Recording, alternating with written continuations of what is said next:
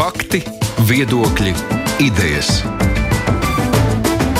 Raidījums Kruspunkta ar izpratni par būtisko. Studijā Mārija Ansone. Covid-19 pandēmija ir likusi mobilizēties valstīm, to valdībām Cīņa ar vīrusu izplatību, veselības aprūpas organizēšana, ekonomikas uzturēšana ir kļuvis kopīgs uzdevums visiem, bet vai pandēmijas laikā būtu aizmirsta politika vai partijas būtu aizmirsušas par savām ambīcijām, interesēm un plāniem? Par to mēs diskutēsim šodien raidījumā. Uz attālināto diskusiju mēs esam aicinājuši politikas ekspertus. Kopā ar mums ir politologi, domnīcas providus direktora un vadošā pētniece Iveta Kažoka. Labdien! Labdien! Arī politologs uzņēmuma mediju tilts līdzdibinātājs Filips Rajevskis. Labdien! Labdien! Un uh, profesors Jānis Ikstens no Latvijas Universitātes. Labdien! Labdien! Un Rīgas Stradiņu Universitātes profesora Ilga Kreitus. Labdien! Labdien! Nu jā, lai arī pēdējā mēneša laikā ziņas par pandēmiju ir bijušas ziņas numur viens gan mēdījos, gan arī vienkārši ļaužu valodās, bet vai tas būtu iemesls, lai partijas aizmirstu par kaut kādām savām politiskajām ambīcijām? Kreitas skundz, kā jums šķiet? Nē, man šķiet, ka partijas nebūtu nav aizmirsušas. Vienkārši tas tagad tā tiek piesakts ar Covid-19 aktuālo tēmu, kas ir, bet aizmugurē visas sarunas notiek, darbības notiek. Mēs redzējām visas peripētīs ap ekonomikas ministru. Šorīt no rīta bija ļoti interesanti klausīties Bordānu kungu, kā viņš nolasīja garu petīciju par to, ko dara Tieslietu ministrija. Man šķiet, ka process viss notiek vienkārši. Politiķi ir iemācījušies veiksmīgi to piesekt ar šo lozungu Covid-19, un ka mums ir jādara viss, lai tikai tagad strādātu, lai mūs netraucētu patiešām par lietām, kuras varētu risināt arī savādāk. Jā, kā pārējiem šķiet, Ikstenkungs, kā jums izskatās politiskās ambīcijas plauks zeļ? Nu, būtu dīvaini, ja politiķi pārstāv telpot. Līdz ar to tas jau, manuprāt, ir tikai normāli, ka viņi dara savus darbus, citi dara savējos. Man, tas, kas man drusku pietrūkst, man pietrūkst tādas zināmas līderības visā šajā procesā. Cīņa ar vīrusu, varbūt netik daudz domājot par to, ka nu, mums tagad ir jāstāsta skolas, kā jāstāsta skolas, kāda ir administratīvie solis. Jāuzliek tajā līmenī, kā viss notiek, bet um, tā lieta, kas mani uh, ļoti nodarbina, ir jautājums par to, kas būs pēc tam. Ja? Un tur vairs uh, epidemiologiem nekas nav sakāms. Ja? Tad, tur faktiski ir jādomā par to, uh, kādā veidā, kādā secībā mēs atgriezīsimies tādas normālas dzīves kas ir teiksim, pasākumi, kurus mēs vajadzētu uzlabot, ko, ko varbūt var atlikt uz vēlāku laiku. Uh, Jā, Ikstenkungs, mums diemžēl skaņa sāk pazust. Es varbūt varu lūgt kolēģiem, ja tur ir iespējams kaut kā piekoriģēt, bet šis pats, jā, šis pats jautājums arī pārējiem. Un kontekstā arī ar politisko partiju reitingiem. No vienas puses mēs redzējām, ka valdība rosās, um, valdība pieņem lēmumus saziņā ar epidemiologiem. Tajā pašā laikā populāras ir arī opozīcijas partijas, un viņu reitingi ir kāpuši vēl vairāk. Tad, uh, Kāpēc uh, opozīcijas partiju reitingiem vajadzēja pieaugt šajā laikā, kad priekšplānā ir valdības darbs, uh, kas cīnās ar faktisko situāciju un, nu, tomēr dara arī to, par ko Ikstenkungs, nu, nu pat minēja, nu, kas tad īsti būs tālāk? Kāpēc? Uh, ar ko opozīcija ir izpelnījusies atzinību? Kažoks kundze. Nu, es teiktu, ka opozīcijai nav sevišķi lieli tie reitingu pieaugumi, un, manuprāt, būtiskākais attiecībā uz reitingiem, ko mēs šobrīd nezinām, ir, kas ir noticis ar uzticēšanās rādītājiem valdībai, parlamentām, augstākajām amatpersonām, jo tas, ka koalīcijas partijām konkrēti katrām atsevišķi neaug reitingi, tas ir, manuprāt, viegli izskaidrojums ar to, ka lielā mērā tas vēlētājs nu, viņš, viņam ir grūti izvēlēties starp nezinu, trim vai četrām, vai dažkārt visām piecām. Šobrīd koalīcijā pārstāvētajām partijām to mēs redzējām pēcvēlēšanu pētījumā uzreiz pēc vēlēšanām. Kad nu, teiksim, tā pārklāšanās vēlētājiem starp dažādām šobrīd koalīcijā pārstāvētajām partijām, pat tādām, par kurām liekas nu, tādiem politikas ekspertiem, ka viņiem jau nekas kopīgs nav, ir, ir liela. Līdz ar to nu, tur es nebūtu arī gaidījusi, ka kādai no partijām pēkšņi šobrīd strauji sākt augstu reitingu. Tā pati izvēle tam pašam elektorātam saglabājās. Es teiktu, ka valdība sev ir parādījusi, ņemot vērā, ka tur ir piecas partijas labāk nekā varēja domāt. Es redzu gan komandas darbu, nu, teksim, šajās regulārajās preses konferencēs, pēc sadarbības padomas, ministru kabineta sēdes. Un, protams, arī katrs individuāli ministrs, nu, tur ir kaut kāda konkurence, viņi arī negrib atkal palikt no saviem kolēģiem, un nu, tomēr nedaudz greizsirdīgi skatās uz to, lai nu, nebūtu tajā publiskās dienas kārtībā pēdējie. Es teiktu, ka salīdzinājumā ar to, ko mēs esam redzējuši iepriekšējos gados, bija vai nu pilnīgi destruktīva partija konkurence, vai arī vispār valdība bija totāli apātiska. Šis ir salīdzinoši labs rādītājs. -hmm, Rejas kungs. Es domāju, ka te mēs redzam zināmu līdzību ar 2008. vai 2009. gadu, kad uh, krīzē mūsu teiksim, valdība ļoti precīzi izpildīja to, ko teica valūtas fonds. Tad šobrīd valdība diezgan precīzi un kārtīgi izpilda to, ko saka epidemiologi. Un, ja mēs skatāmies, tad tā pamata komunikācija un viss tas stāsts, ja mēs runājam piemēram par uzticēšanās reitingiem. Tad uh, es domāju, ka šeit ļoti lielā mērā strādā tas, ja mēs skatāmies tādā ilgākā laika periodā uzticēšanās reitingos ļoti augsts līmenis ir medicīna, medicīnas darbiniekiem. Un es domāju, ka šie, šie uzticības reitingi medicīnas darbinieku tie ir tie, kas glāb to situāciju. Un, un, un no otras puses, valdība var ļoti labi nu, tajā ēnā būt. Ja mēs skatāmies tās lielās preses konferences, ļoti daudz izvēlēt tieši eksperti, un tie jautājumi ir no mēdījiem, vairāk ekspertiem nekā politiķiem. Un uh, es domāju, ka tādā ilgākā laika periodā, nu, es domāju, ka šobrīd nu, būtu jāpriecājas, ja uzticēšanās reitingu valdībai nebūtu krituši. Tas jau būtu ļoti labi. Un tad ir jautājums, protams, par to ilgāko laika periodu uz priekšu, kā viņi izmantos šo attēlu, ko ir iedavuši viņiem medicīnas darbinieki. Jo, jo tā ir zināma attēlpa. Visu uzmanību ir sakoncentrēta uz dažiem cilvēkiem. Un tad, kad šī uzmanība teiksim, tā, mainīsies, tad, protams, atkal nostrādās arī nu, tāds pretējs efekts. Politiķi jau arī noilgojušies pēc uh, sabiedrības uzmanības. Viņam arī gribās, lai, lai viņi varētu uz tās skatuves parādīties prožektoru gaismā.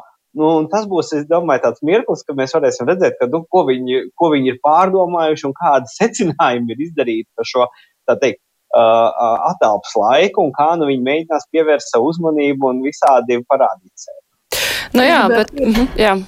Es gribēju piebilst vienu lietu. Mēs redzam šodien, kad notiek šīs preses konferences un tam līdzīgi, Kariņa kungu un Viņķels kundzi. Nu, Viņķels kundzi mēs redzam arī reklāmās, jā, bet kāpēc es pat runājot par reitingiem, Sakiet, lūdzu, kā jūs domājat, cik daudziem Latvijas iedzīvotājiem šie divi konkrētie cilvēki valdībā asociējās ar to politisko spēku, ko viņi pārstāv?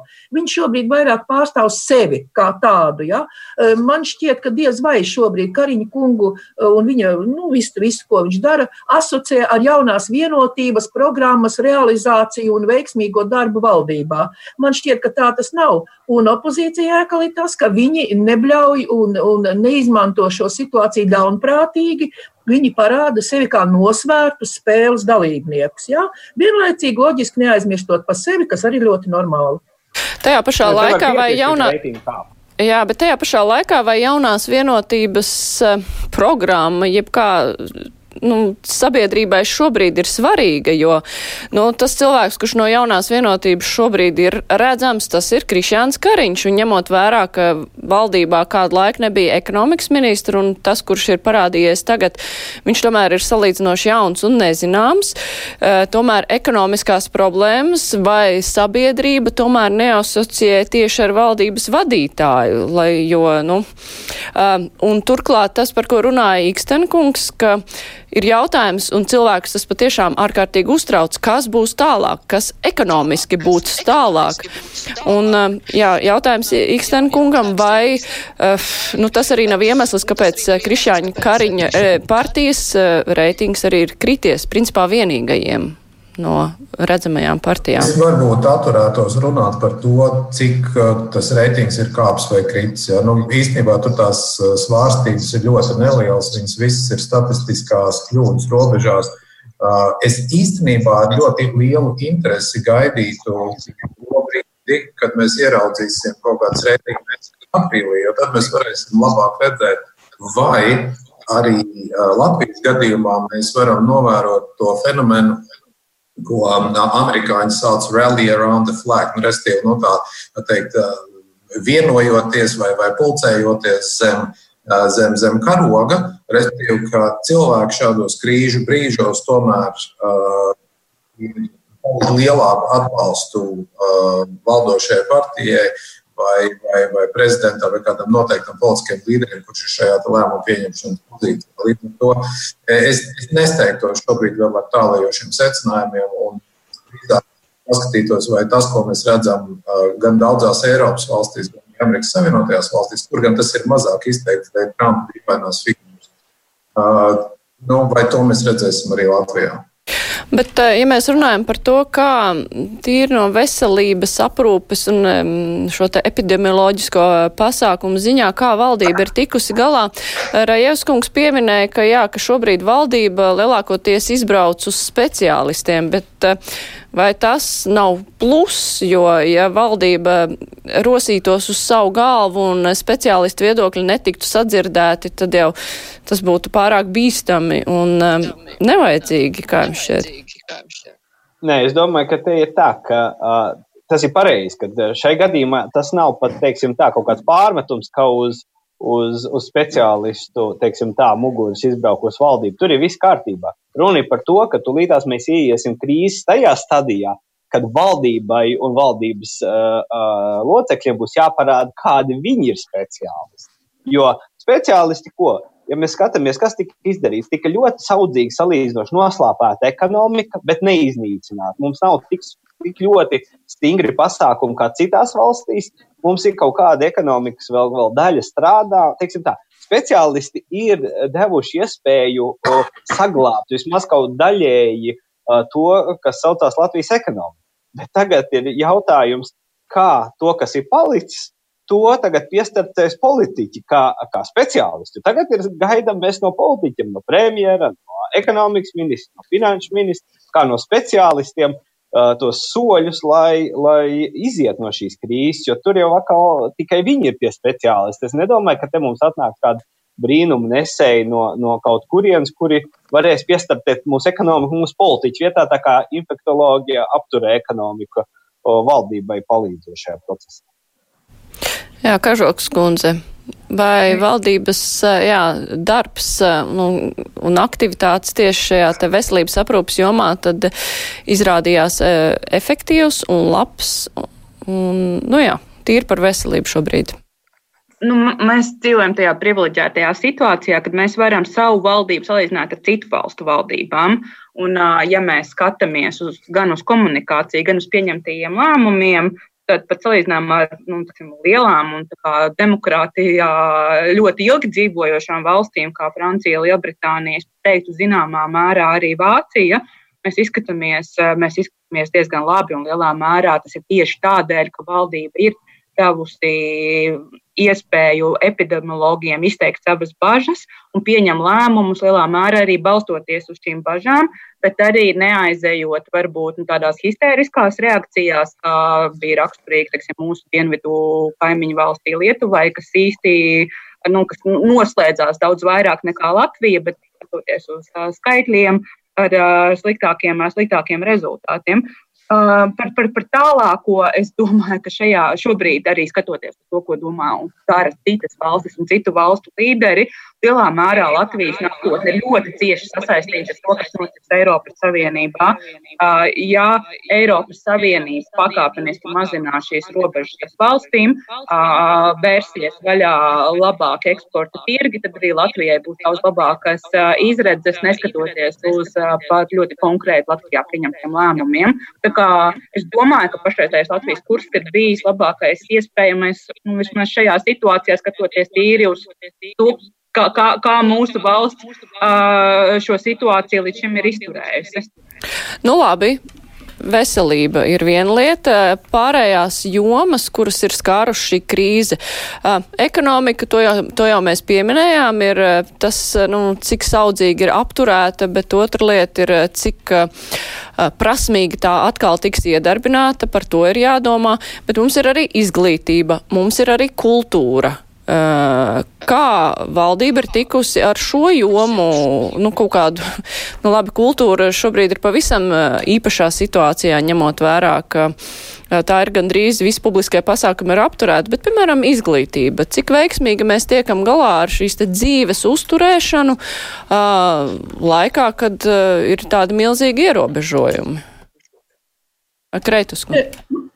Nē, nu, ja tā mēs skatāmies, tad šobrīd arī runājot par veselību, es vēl gribēju piebilst vienu lietu, kā uh, mediķu goda prāts ir stāv pāri visam, un kad valdības akals sirds un gudrība ir tā, ka viņi uzklausa mediķus. Vienīgi šeit ir jautājums, ka no mediķiem var nākt atsitiens pretī, kad beigās kā tad mediķus materiāli atbalstīs un stimulēs to, ko viņi padarīs šī periodā tieši. Ja? Un nevēl es runāju par šo materiālo un stimulēšanu un atbalstīšanu. Mm, tas ir viens no jautājumiem, kas izglītībā arī tagad ir nolikts malā par pedagoģa algām un par to, kā pieaugs pedagoģa algas. No vienas puses var teikt, jā, pedagoģi tagad nenāk visu laiku, nesēž skolā visu laiku, viņiem nav jādara darbs, bet viņiem tas darbs ir izmainījies ļoti strauji. Un viņu slodzi ir daudz lielāka, bet mēs kaut kā to tā, tā gandrīz vai tā nomierinoši Es domāju, ka šī situācijā vajadzētu lielāku tomēr skaidrību arī no pašas izglītības ministrijas puses un arī izvērtēt to, kas ir plusi un mīnus. Ja augstskolām ir daudz vienkāršāk, nu, pieņemsim, mums stradiņos nav nekādu problēmu. Praktiski nav, mūsu IT darbojās perfekti, pasniedzēji pieraduši strādāt e-vidē, drīzāk ir um, interesanti tas, ka no maģistra puses ir izskanējis, ka viņi tomēr grib to auditoriju. Es, es gribu ar to pasniedzēju dzīvā sarunāties. Jā, te atkal parādās tā otra puse. Eh, bet pašā skolu sistēmā tomēr vajadzētu būt jau skaidrībai, kādai kas notiks tālāk, kā tas veidosies, un nenovērtēt par zemu to šausmīgo slodzi, es gribētu teikt, šausmīgo, kas ir uz skolotāju pleciem šobrīd, jo uh, Nu, lai pamēģina kāds pats sagatavot uzdevumus internetu vidē, kur man šķiet daudz vairāk vajadzēja un ātrāk piesaistīt Latvijas televīziju ar, ar dažādu veidu raidījumiem, un arī būt lielākai skaidrībai par nobeigumu. Jo šobrīd, tā kā mums skan šīs trīs variācijas, jā, kad varētu nobeigties mācību gads, un ar ko nobeigties, tad tomēr tas ir jāsaist kopā arī ar augstskolu uzņemšanu un studiju sākumu. Jā? Tālāko tas ir jāsaist kopā arī ar tālāko vidusskolu komplektēšanu 9. klasē.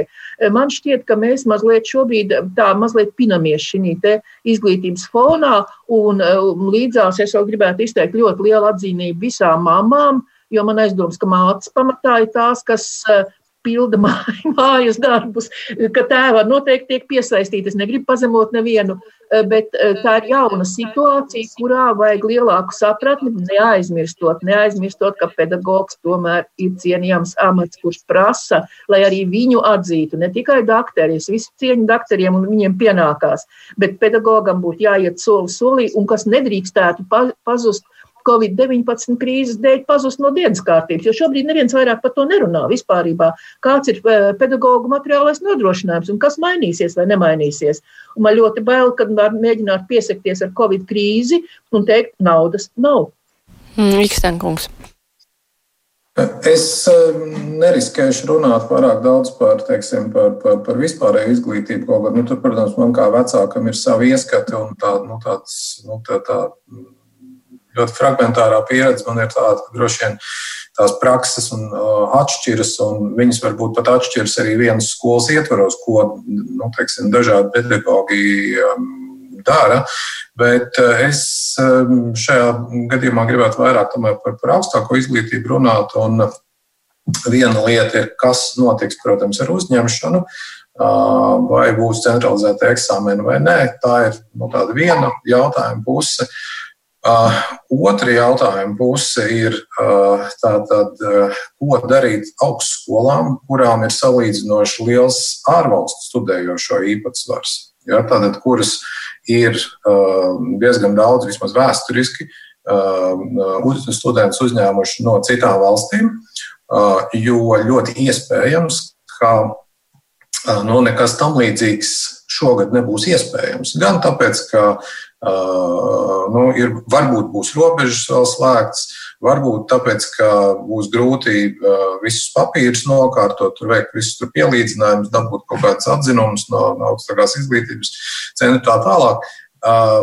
Un tad ir jautājums, ja mēs šobrīd runājam par to, ka, lūk, nu, ja tur kaut kāda dīkstāvs pabalsta un kaut kas vēl uzņēmumiem, kuriem ir krities apgrozījums par tik un tik šobrīd, Ja? Bet augstskolām šis vilnis trāpīs vēlāk, viņš trāpīs rudenī. Un turklāt šīs vilnas nebūs tā, eh, nu labi, pāris mēneši, un tad jau atkal aizies, bet tas būs iecirsts rops uz trījiem, četriem gadiem. Ja, tad ir par šo vispār. Es neesmu dzirdējis, ka izglītības un zinātnīs ministrija pat domā, ja, nemaz nerunājot par kaut kādiem risinājumiem. Tas ir ļoti svarīgs jautājums. Jā, bet tas nozīmē, ka valdībai būtu vairāk jādomā ne tikai par nozarēm, kuras krīze skar tieši šobrīd, bet arī par jomām, kuras viņveidīgi aizies tālāk, kā arī par kaut kādu materiālo stimulēšanu tām grupām, tām profesijām, kuras turpina darbu, bet apgrūtinātos apstākļos. Respektīvi, tad valdībai vajadzētu domāt plašāk par um, ekonomisko atbalstu. Rajevskungs. Nu, jā, es domāju, ka šajā gadījumā īstenībā tas ir ļoti sarežģīts uzdevums nodiagnosticēt, kurš kurā mirklī ar šo vilni tiks noslīcināts. Jo tieši tā arī ir, kad ir kaut kādas nozares, kas, kas varbūt šobrīd izskatās no analītiķa viedokļa, nu, ka tur viss ir ļoti labi, bet viņiem tas vilnis būs stipri vēlāk. Nu, piemēram, viena no tādām nozarēm varētu būt arī tāda kā celtniecība, kur kā liekas, viss ir labi, bet labi saprotot, ja nekas šobrīd nenotiek, tas nozīmē, ka vēlāk neviens neko nebūvēs. Un es domāju, ka te ir uh, tā lielā, lielais uzdevums un, un māksla valdības uh, locekļiem un valdībai uzturēt dialogu ar, ar dažādām nozarēm, jeb ar, ar, ar dažādiem ekonomikas spēlētājiem, lai tiešām saprastu reāli, kas notiek uh, valsts līmenī, un, un, un arī uh, um, teiksim, tās uzņēmumu līmenī. Jo viens ir, mēs varam skatīties kaut kādās nu, lielu nozaru, piemēram, griezumā, bet nozara jau sastāv no uzņēmumiem, tur atkal var būt vienam labs situācija, vienam slikta situācija, bet ir jāsaprot, ka, ka nu, nevar ļaut uh, noplicināt tās nozares viena iemesla dēļ, jo tajā mirklī, kad uh, ekonomika atkal piestartēsies, ja mēs skatāmies no tādu stimulu viedokļa, Amerika daudz investēs, Ķīna daudz investēs ekonomikā, Vācija ir pateikusi par milzīgām investīcijām savā ekonomikā. Ko tas nozīmē? Mums ir arī jāgūst labumu, kā e, mazai ekonomikai, kur ir atkarīga no eksporta tirgiem, no šiem ekonomiskiem stimuliem un tām naudām, kas ieplūdīs mūsu lielajos eksporta tirgos. Un šajā gadījumā, ja, mūs, ja mēs ļausim, ka kaut kādu uzņēmumu vienkārši uh, nogrims tikai tādu un, un nesapratīsim, kurējiem ļaut un kuriem neļaut, Mēs vienkārši tehniski ar savām jaudām nebūsim spējīgi vispār piedalīties šīs naudas pārdalē. Un, un tas, ir, tas ir tas lielais jautājums par to, cik, cik valdība zina to, kas viņai jādara. Bet kā jums šķiet, vai valdībā ir potenciāls tad domāt par šīm lietām, jo sākumā, nu skaidrs, ka nevar, nu teikt, ārkārtas stāvoklis ir apmēram mēnesi. Nu skaidrs, ka visu uzreiz nevar izdarīt, un tad e, lēmumi tika arvien paplašināt un paplašināt, un parādījās kaut kādas jaunas lietas, uh, kuras tika ieviestas. Uh, vai nu, šis potenciāls tad būtu izsmelts, vai tomēr nu, ir, var cerēt, ka valdība par to visu arī par ko mēs tagad runājam, padomās un skatīsies plašāk, Kažoks kundze? Um, Manuprāt, Latvija šobrīd ir labākā situācijā nekā daudzas Eiropas valstis. Uh, vakar, klausoties Francijas prezidenta uzrunu tautai, uh, bija skaidrs, ka Francija šobrīd domā viena mēneša ietveros, proti, ka 11. maijā viņi pakāpeniski sāks ļaut atgriezties skolām un bērnu dārziem un ļoti eh, vēl neļaus atgriezties eh, restorāniem un, un, un, un, un, un citām, citām ēdināšanas vai izklaides iespējām. Un uh, viņu kā, domāšanas vēriens šobrīd ir tiešām uh, ļoti neliels, vienkārši dēļ tās, dēļ tās um, krīzes uh, ļoti astajām izpausmēm, kas ir tieši Francijā. Latvijā par laimi, par laimi, nu, ja mēs runājam tīri statistiskā līmenī, mums salīdzinājumā ar citām Eiropas Savienības valstīm tā epidēmija nav, nav, nav spārusi tik dramatiski, kas nozīmē, ka valdībai vajadzētu būt šobrīd laikam apzināt ne tikai akūtās problēmas, bet skatīties arī tālāk, arī uz tām problēmām, kas Latvija noteikti piemeklēs nākamajā mācību gadā. Šeit vairāk augstskolu cilvēki. Un jau arī domāt par to, kas varētu būt tie labākie veidi, kā tos risināt. Es domāju, ka Latvija, pateicoties tam, ka ir klausījusi epidemiologus, ir ieguvusi sev papildus laiku, ar ko nevarēja rēķināties tās valstis, kuras ir ļoti smagi šobrīd piemeklējusi tā epidēmija. Un šis laiks, kā reizi valdībai, ir jāizmanto tam, lai plānotu tālāk un plānotu gudrāk. Jā, bet te gribētos piebilst vēl vienu lietu. No vienas puses, jā, valdība ir izveidojusi tādu spilvenu, uz kuru varētu nu, at, vieglāk nokrist tie, kuriem ir jākrīt šī situācijā. Bet tad jau sākās, zinām, tādi haotiski momenti. Ja šodien ir jālasa presē, ka Vits ir izskatījis palīdzību un sniedzis to 4 eiro apmērā, tad šķiet, ka kaut kas nav kārtībā. Kāpēc veselai rindai cilvēki ir jāstrādā, jāizskata lietas, jāizvērtē, lai piešķirtu 4 eiro? Un te ir vēl viens jautājums, kas, manuprāt, šobrīd nodarbina daudzus. Tas būs šis atsitiens, kā tiks izmantot šie palienē, palienētie 4 miljārdi. cik viņi būs veiksmīgi un kur būs ieguldīti. Vai tie būs sadalīti tikai ēdināšana tam, tiem restorāniem, kas ir slēgti, un, un kā Lido, piemēram, kas pat varētu kaut ko uz mājām cilvēkiem gatavot un sūtīt, vienkārši slēdz un saņems šo pabalstu, vai tā nauda tiks šādā veidā izmantot, vai patiešām to, ko Iveta pieminēja, būs šie plānotie tālākie soļi, kad mēs atliekam kādu daļu, lai palīdzētu tiem, kam pietrūks, tāpēc, ka ir bijusi šī krīze, ne, kā, kā sekas tam, ja? jo tīpaši mācību procesā, tas ir gan skolās, gan ir augstskolās, jo tas tā 1. septembra uzņemšana vai 1. septembra mācību gads, viņš ir minimums iedarbojas uz trim gadiem. Ja? Tā kā tas nav tikai tanī brīdī. Nu, vienīgais, ko es humoru līmenī varētu piebilst, kad laikam pirmo reizi mēs lepojamies ar to, ka mēs esam sliktāki rādītāji nekā Igauniem. Jo mūsu, mūsu šie, šie rādītāji, laikam, pirmo reizi mēs sakām, redz, ka mums ir krietni mazāk, un tas ir labi. Jā, bet eh, vai šajos lēmumos eh, arī, kas skar ekonomikas uzturēšanu un atvesļošanu, vai nu, tur kaut kur neparādās arī kaut kādas partiju savas intereses, sponsori intereses, bija diezgan. Uh, liels sašutums. Piemēram, tā kā bija bažas, bija doma, ka varētu tikt atbalstīts arī azartspēles, kurām, protams, arī ir grūtības šajā laikā? Vai ir aizdomas, ka katrs tomēr mēģinās arī pavilkt to nu, naudas deķīti nevis tādām tikai vispārējām labumam, objektīvām labumam, bet nu, arī tur, kur kā, pašiem ir tuvāk Rejevskungs? Nu, lūk, te mēs nonākam pie tās situācijas, ka nu, valdība nesastāv tikai no politiķiem un ministriem.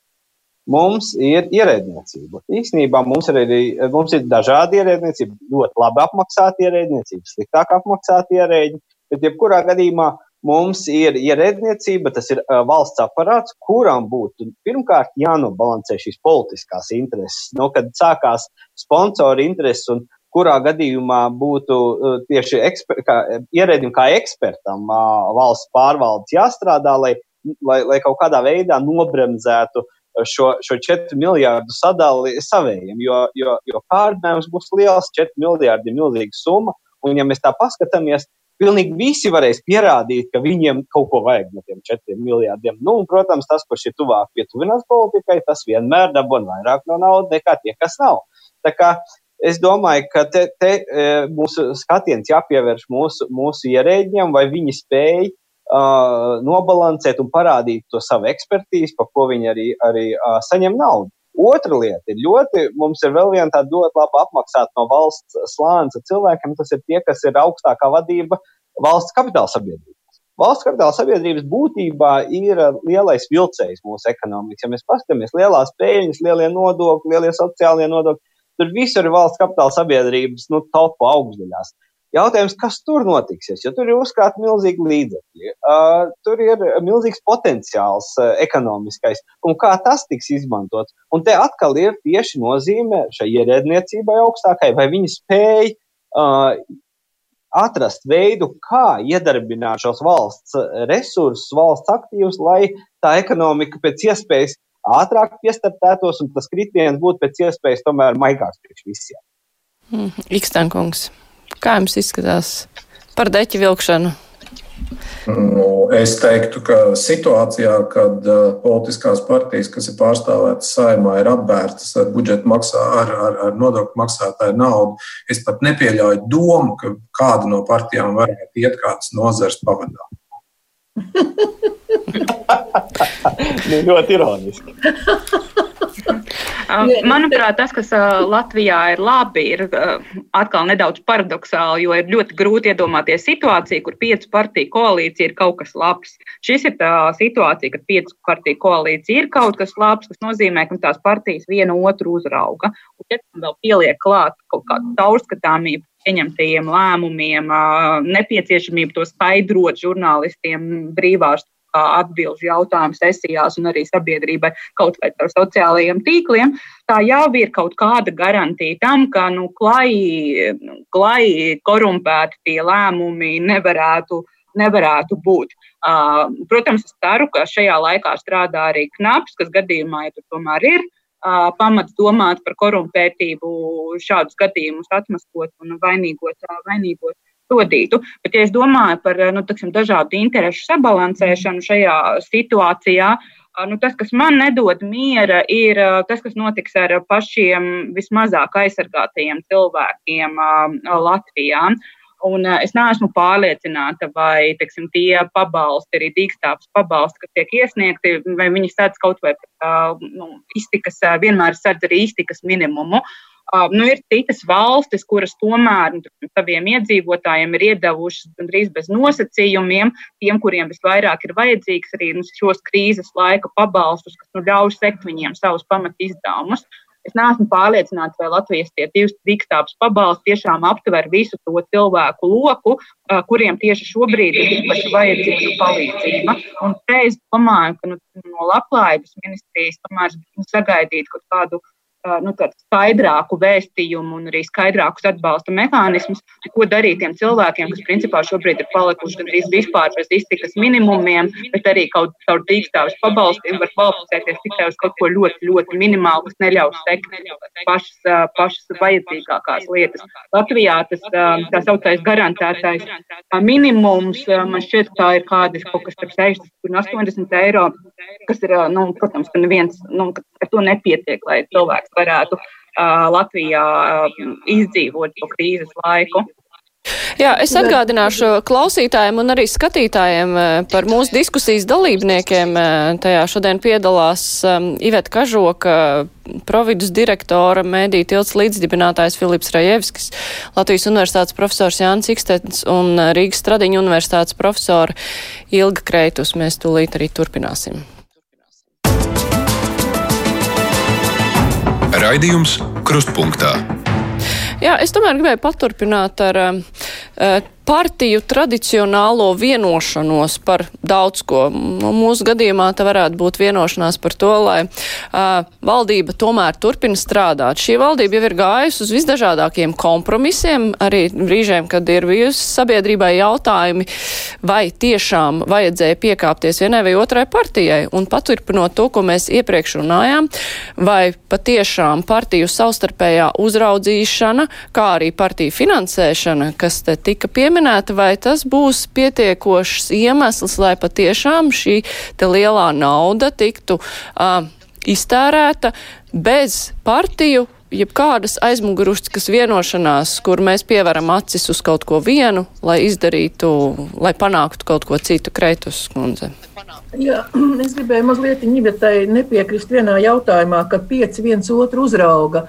Man šķiet, mums ir vislabākais piemērs, ka tās divas jaunās partijas, kas pamatā nāca pret korupciju un ka uzraudzīs visu un neļaus neko nozagt, vislabāk nodemonstrējuši, ka viņas var panākt kompromisu, ja rodas jautājums par to būt vai nebūt valdībā jo visas šīs partijas vienkārši sapratušas, it īpaši šīs divas jaunās partijas, nesot valdībā, nu tāpat jau viena partija jau var teikt, nav jau vairāk, bet arī otrai partijai izējot ārā no valdības, nav, nav nekādas politiskās perspektīvas.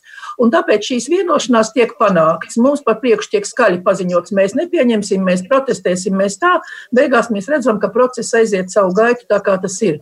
Bet šī ekonomiskā ziņā mani pārsteidz tas, ka neviens šobrīd nesatraucās.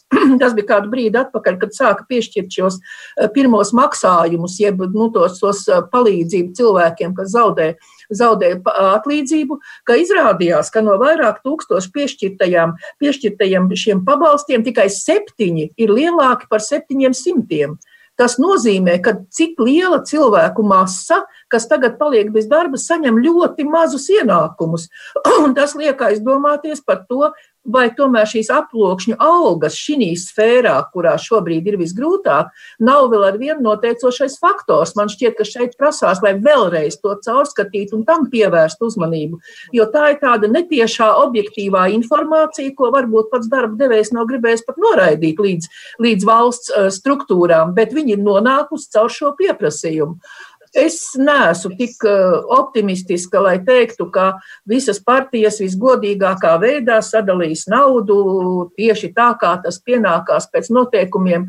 Lai gan no otras puses te jāpiekrīt Filipam, jāsaka tā, nu, kam ir jānotiek, lai tu nenonāktu tādā sarakstā, Jā, jo arī rādio daļai nonāca sarakstā, kuri cieš zaudējumus no tā, kas ir. Jā, bet visiem iedot nevar. Un it īpaši mani pārsteidz, kad mēs skatāmies uz privāto sektoru, nu, pa, pa azartspēlēm. Tas vispār bija nonsens, ja tā varētu teikt. Ja Eiropā parasti šie lielie naudas uzkrājēji, jā, nu, tur gan Zuzāna kungs ir krietni samelojies, teikdams, ka viņam ir 77 miljoni tur pēļņa vai kas bijusi, jā, viņš tur ir tā kā pārspīlējis. Parasti tie, tie kas grūtos brīžos nāk palīgā kā mecenāti un palīdz.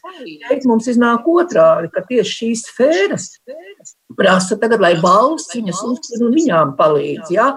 Tas jau tas apgrieztās domāšanas pats faktors, kas mūsu sabiedrībā darbojās. Un otra lieta tomēr, ka mēs skatāmies, Ja būtu tikai valsts finansējums un nebūtu iespējas partijām saņemt nekāda cita tipa finansējumu vēl bez šī valsts finansējuma, tad varētu teikt, ka šis politiskais izplatnīts, ja politiskais spilventiņš ir gandrīz vai zaudējis jēgu. Kamēr pastāv mhm. divējādas plūsmas valsts finansējums un ziedojumu finansējums partijām, eh, tikmēr nu, nevar aizbēgt no tā. Tā ir dzīves realitāte. Nu jā, es gribēju vēl lūgt arī komentāru Ikstenkungam. Jūs pieminējāt partiju finansēšanu, bet vai tas ir kāds garants? Turklāt es, nu jā, klausītājiem un skatītājiem vajadzētu saprast, jūs smējāties vai runājāt nopietni, pārējie smējās. Bet uh, būs jau arī jāvienojās par vēl citām svarīgām lietām. Mums administratīva teritoriālā reforma vēl karājās gaisā. Mums Rīgas doma nav ievēlēta un nezinu, kad tiks ievēlēta, vai šie jautājumi tiks iekļauti kaut kādā tādā um, apspriežunē vai tirgošanās grozā. Politika jau nepārtraukti ir kaut kāda vienošanos, uh, tā teikt, panākšana procesa vai arī nepanākšana. Tā, tāpēc es nedomāju, ka nu, piemēram, kaut kādas politiskās prioritātes. Es, par, ne, es tiešām es šeit nerunāju par to, ka nu, par kaut kādu tādu uzkorumpētu tirgošanos mēs runājam, bet nu, vienkārši par, par, par kaut kādu prioritāšu noteikšanu, tādu objektīvu prioritāšu noteikšanu. Es domāju, ka tur, protams, būs nu, kaut kādas. Nu, kaut, kādas, kaut kādas sarunas, kaut kādas tirgošanās, jau nu, te jau ir jau irgošanās sākusies par to, nu, kāpēc, piemēram, lauksaimniekiem vajag 45 miljonus, ja, nu, kas tad viņiem ir noticis tāds. Un, Nu, un tad nav skaidrs, vai tā ir Nacionālās apvienības nu, kaut kāda tirgošanās pozīcija, vai, vai, vai tur patiešām ir kaut kādas vajadzības, vai vai, vai kas tas īsti ir. Jā. Nu, tātad, tur būs stāsts par to, nu, kā partijas centīsies atrast kopīgu valodu ar savām nozarēm, kā viņas varēs izstāstīt, nu, ko var, ko nevar, kāpēc var, kāpēc nevar. Nu, līdzīgi kā ar OPEC darījumu nu, par, par to naftas ieguvu, ja, kur it kā amerikāņi panāca pretī, bet faktiski viņi tur nekādus būtiskus, nu, reālus, tā teikt, samazinājumus neizpildīja. Mm -hmm. Kažoks kundze. Es teiktu, ka valdībai tuvākajā laikā pavisam noteikti, bet es domāju arī, ka ilgākā perspektīvā saglabāsies divi jautājumi, kas viņus plus mīnus vienos. Viens ir nu, šī epidēmija. Ir labi, ka vismaz valdības ministri savstarpēji par šo nekašķējās, Sākumā bija dažādi viedokļi, kā viņi ierobežot. No šobrīd, nu, pēdējās nedēļās, valdība ir diezgan saliedēta attiecībā uz šo jautājumu. Un otrs jautājums, kas saliedē, manuprāt, vismaz līdz šim, ka Latvijai ir diezgan skaidrs intereses, ko mēģināt panākt Eiropas Savienības līmenī, un, nu, kas nozīmē pēc iespējas liels atbalsts gan ekonomikai, gan iedzīvotājiem, nepazaudējot visas tradicionālās prioritātes. Tur, kur valdība patiešām var kašķēties un pavisam noteikti kašķēsies, ir visas šīs eh, iekšējās prioritātes, tieši kā atbalstīt kuru sektoru un kā domāt par Latvijas izaugsmi ilgtermiņā. Tiešām strīdi ap administratīvu teritoriālo reformu nekur nav pazuduši, un arī kaislības ap Rīgas domas vēlēšanām arī ir uz brīdi pieklusušas. Viņas noteikti atjaunosies tajā brīdī, kad vēlēšanas nāks tuvāk. Tur gan um, partijas paši sev negaidot ir veikuši tādu interesantu manevru. Proti, dažas no viņām diezgan aktīvi aģitēja vēl martā, nezinot, ka vēlēšanas tiks pārceltas uz augusta beigām. Līdz ar to droši vien, ka viņas ir tajā īpašajā situācijā, ka var novērtēt savu kampaņu rezultatīvitāti vēl stipri pirms vēlēšanām. Tā kā, kur es domāju, ka vēl domājot par Rīgas domas vēlēšanām un to, kā partijām ir gājis līdz šim ar savām aģitācijas kampaņām, tur vēl mēs varētu ieraudzīt kādu kādus neparastus pārstruktūrējumus, kas būs atšķirīgi no tiem, kas būtu bijuši, ja vēlēšanas tiešām būtu notikušas aprīlī. Kā partijas gan atradīs kopīgas intereses, gan arī nekur nepazudīs tie strīdus jautājumi. Un administratīva teritoriālās reformas jautājums ir nu, no tādiem pat akūtākais. Bet vai šobrīd ir vietā runāt par to, kas tagad notiek Rīgas domē? Jā, tur ir um, ierēģņu valdība šobrīd, administrātori tur darbojās. Tajā pašā laikā mēs um, nu pat redzējām, ka tika noņemts pilsētas izpildirektors, kurš ir saistīts ar uh, vienu konkrētu partiju. Um, iemesls tāpēc, ka viņš ir rīkojies bezatbildīgi tur saistībā ar Rīgas satiksmi un reisu skaitu un bezatbildīgi pandēmijas laikā. Tas tā kā būtu saprotami. Tajā pašā laikā viņa pienākums izpildīs tagad uh, reģionālās attīstības ministra, nu ne partijas biedra, bet cilvēks, kurš kandidēja vēlēšanās no šīs partijas saraksta. Vai ir jādomā par to, ka Rīgas izpildu struktūrās tagad dominē kaut kādas vienas partijas ietekme? Rajevskungs. Nu, te, te ir tas interesantākais, ka, ja mēs skatāmies, ka visi, kas, kas ļoti gribēja atlaist Rīgas domu, ir palikuši pēc būtības jaņos. Šobrīd ir viena partija, kura īstenībā pārvalda Rīgas domu. Tā ir attīstībai par, un, un šobrīd to, nu, es, es tomēr domāju, ka tur ir tā politiskā ietekme ļoti tieša. Nu, es, es, es līdz galam, nu, es nekad neesmu ticējis un neticējis šādai tīrai ierēģiņu varai.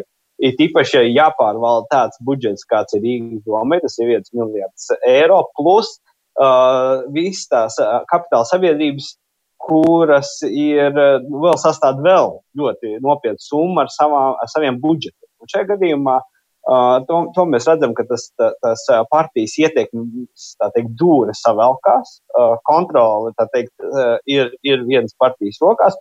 Un te ir tas jautājums, par šo, šo uzraudzību. Nu, ja mēs runājam par Rīgas domu, Rīgas doma īstenībā ir ļoti svarīga no, no tāda viedokļa, ka Rīga ir lielāka ekonomiskā vienība. Rīgas budžets ir tieši tik liels, lai varētu arī atbalstīt valsti uh, centienos iedarbināt valsts ekonomiku. Un vai nebūs tā, ka šis būs tas stāsts, kur varbūt tālāk no acīm notiek šie politiskie darījumi par lielām summām, kur tiek atbalstīts vai kaut kas kaut kādi uh, pasūtījumi izdalīti vai, vai, vai atbalsti, uh, teiksim tā, bet nu, tālāk no acīm, tad domas līmenī, pašvaldību līmenī, neskatoties to, ka tās summas ir lielas, jo, ja, ja mēs paskatāmies uz šo piecu partiju koalīciju, tā problēma ir tā, ka mēs nebūšu optimisti par spēju vienoties par konstruktīvu rīcību optimistiskākais scenārijs, ka viņi nespēja vienoties savā starpā un līdz ar to vienkārši netērē to naudu, jo nespēja vienoties par to, kā tērēt naudu. Un tad sāk skatīties, kā šo vienošanos, jeb šo nespēju vienoties apiet. Un šeit tā Rīgas doma ar to tieši politisko pārvaldi ir ļoti, ļoti, ļoti izdevīga. Jo līdz galam politisko atbildību jau neviens nenes par to, ko šie ierēģi tur it kā salē. Mm -hmm. Kā pārējais? Piebilst patiešām, ka ļoti skaidri Rīgas doma tagad parāda šo situāciju. Jo uzskatīt, ka šie ierēģi ir ne, politiski neitrāli, nu, tas ir absurds. Tas ir vienkārši neiespējami, jo ministrs mums ir politiska persona. Un, ja ministrs kaut ko ceļ, tad viņš loģiski ceļ atbilstoši savām interesēm. Rīgas domē vēl viens moments - atlaiž izpildu direktoru par it kā par pārkāpumiem, bet pēc tam appusēji vienojās, un viņš aiziet lepni paceltu galvu. Es nezinu, par kādu pārkāpumu īsti mēs runājam, ko ir veicis Radzēvičs kungs. Vienīgais, vienīgais cits ir, kas, ko Covid-19 atļāva izdarīt, un kaut kā tā viss klusiņām pagāja, ka, cik es saprotu, pensionāri vairs nevar pavēlti braukt sabiedriskajā transportā. Interesanti būs novērot, cik ilgi un kā tas atspēlēsies. Ja mēs runājam par reģionālo, arī par Rīgas domu, runājot, mēs jau zinām, ka viena partija jau ir mēra kandidātu nomainījusi. Jurašs kungs vairāk nav JKP līderis. Tā kā redziet, šis process pašlaik nolis ļoti aktīvi un iespējams savstarpēji vēl, vēl pārvietosies arī par, par reģionālo reformu, lai arī cilvēki nevar nākt kopā. Tad mēs jau tagad dzirdam balsis no salkrastu puses, ka tomēr nevajag šo apvienot to salkrastu, novadot, tur, tur skvienot, ko tur klāt, ja kādā veidā. Un galvenais, kas ir tas runātājs? Runātājs ir Smiltēna kungs, kurš ir kopā uz Rīgas domas vēlēšanām ar Nacionālo apvienību, kur atkal aizstāvēja šādu novada veidošanu, ko mēs saistījām arī zināmā veidā skūtas ostu un šo, šo te naftas terminālu, jeb gāzes terminālu, pareizāk sakot. Ja? Tā kā mēs redzam, ka šie procesi notiek pašlaik, bet galvenais būtu svarīgi tas, lai šie procesi nenotiek slēpti un lai mēs pēc tam tik ieraugam rezultātu. Uh, kura izlabošana, jo, pieņemsim, ja tagad tiek pieņemta uh, reģionālā reforma, tad labošanas laikam nav laika. Latvijā ir, ir jau tik tālu, būs ekonomiskās problēmas jārisina, kā tas ies kopā šī brīdī. Un runājot par Rīgas domu, man šķiet, ka šobrīd nav nelaimīgāka cilvēka kā Čirškungs, kurš ierosināja Rīgas domas atlaišanu. Jo viņš man šķiet pašlaik ir, kā Ulmaņa laikos teica, inteliģentais bezdarbnieks. Un cik ilgi dieviņš to vien zina? Mm -hmm. Kažoks, es teiktu, ka šobrīd Latvijā vispār nav nu, cilvēku dīvainākā situācijā kā Rīgas iedzīvotāji. Jo pirmkārt, rīznieki ir epidēmijas epicentrā, un otrkārt, viņiem nav sava mēra, savas domes, no kuras prasīt gan atbildību, gan arī nu, kaut kādu palīdzību un iedziļināšanos viņu interesēs. Ja mēs skatāmies uz citām pilsētām, gan Latvijā, gan citur pasaulē, un tur mēs varam runāt gan par lielām pilsētām kā Ņujorka, gan par visām maziem tur Itālijas miestiņiem, visur līderu lomas tam, lai palīdzētu iedzīvotājiem un cīnītos par pilsētnieku interesēm, ir pilsētas mēriem. Viņi ir tie, kas simbolizē pašvaldības varu, viņi ir tie, kas ir vistuvāk sociālajām problēmām, un viņi ir tie, kas piegādāt labāko palīdzību. Rīznieki šobrīd ir nu, vienkārši šausmīgā situācijā salīdzinājumā ar tām Latvijas pašvaldībām, kur ir šādi mēri.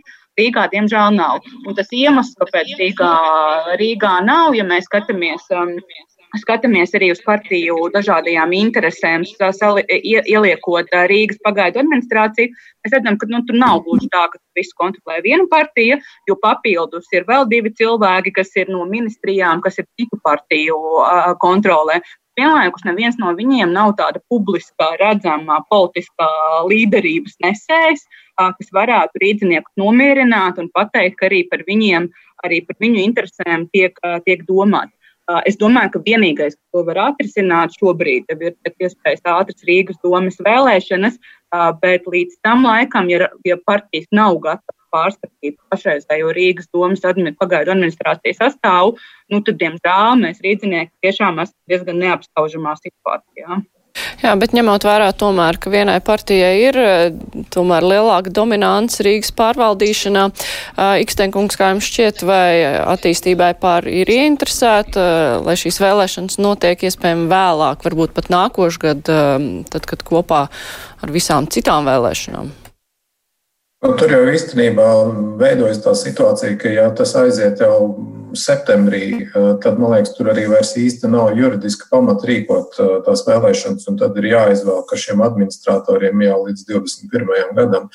Bet es ļoti ceru, ka nu, tiem politiķiem, ne, neskatoties nu, uz to, vai viņi ir no vienas vai no dažādām partijām, ka viņiem pietiks apģērbības šobrīd kad ir nu, citas prioritātes valstī, kad ir nu, teikt, daudz ko var izdarīt teikt, vīrusa ēnā, ka tur tiks ar, es atvainojos, ar ierēģiņu rokām tiks risināti jautājumi, kuri bija jārisina. Nu, kā piemēram, visas šīs te, uh, dīvainības, kas ir Rīgas satiksmē, jā, vēl citās kapitāla sabiedrībās. Uh, lai pēc tam varētu teikt, nu, jā, nu, tie jau nebijām mēs. Jā, nu, tie bija tie, tie, tie, tie, tie, tie ierēģi, tie ierēģi, tie ir tie vainīgie. Jā. Nu, manuprāt, šis ir brīnišķīgs, brīnišķīgs pagarinājums. Augustam ir tieši tas, kas būtu nepieciešams. Jā, mums ir vēl pāris minūtes tikai palikušas. Īsais jautājums visiem, kā jums šķiet, vai lemjot par administratīvu teritoriālo reformu, būs mēģinājumi, nu, izmantojot to, ka cilvēki nevar ne pulcēties, ne protestēt, un nu, viss notiek vienkārši klusāk, vai būs mēģinājumi ātri dabūt cauri šo likumu, Rēvskungs?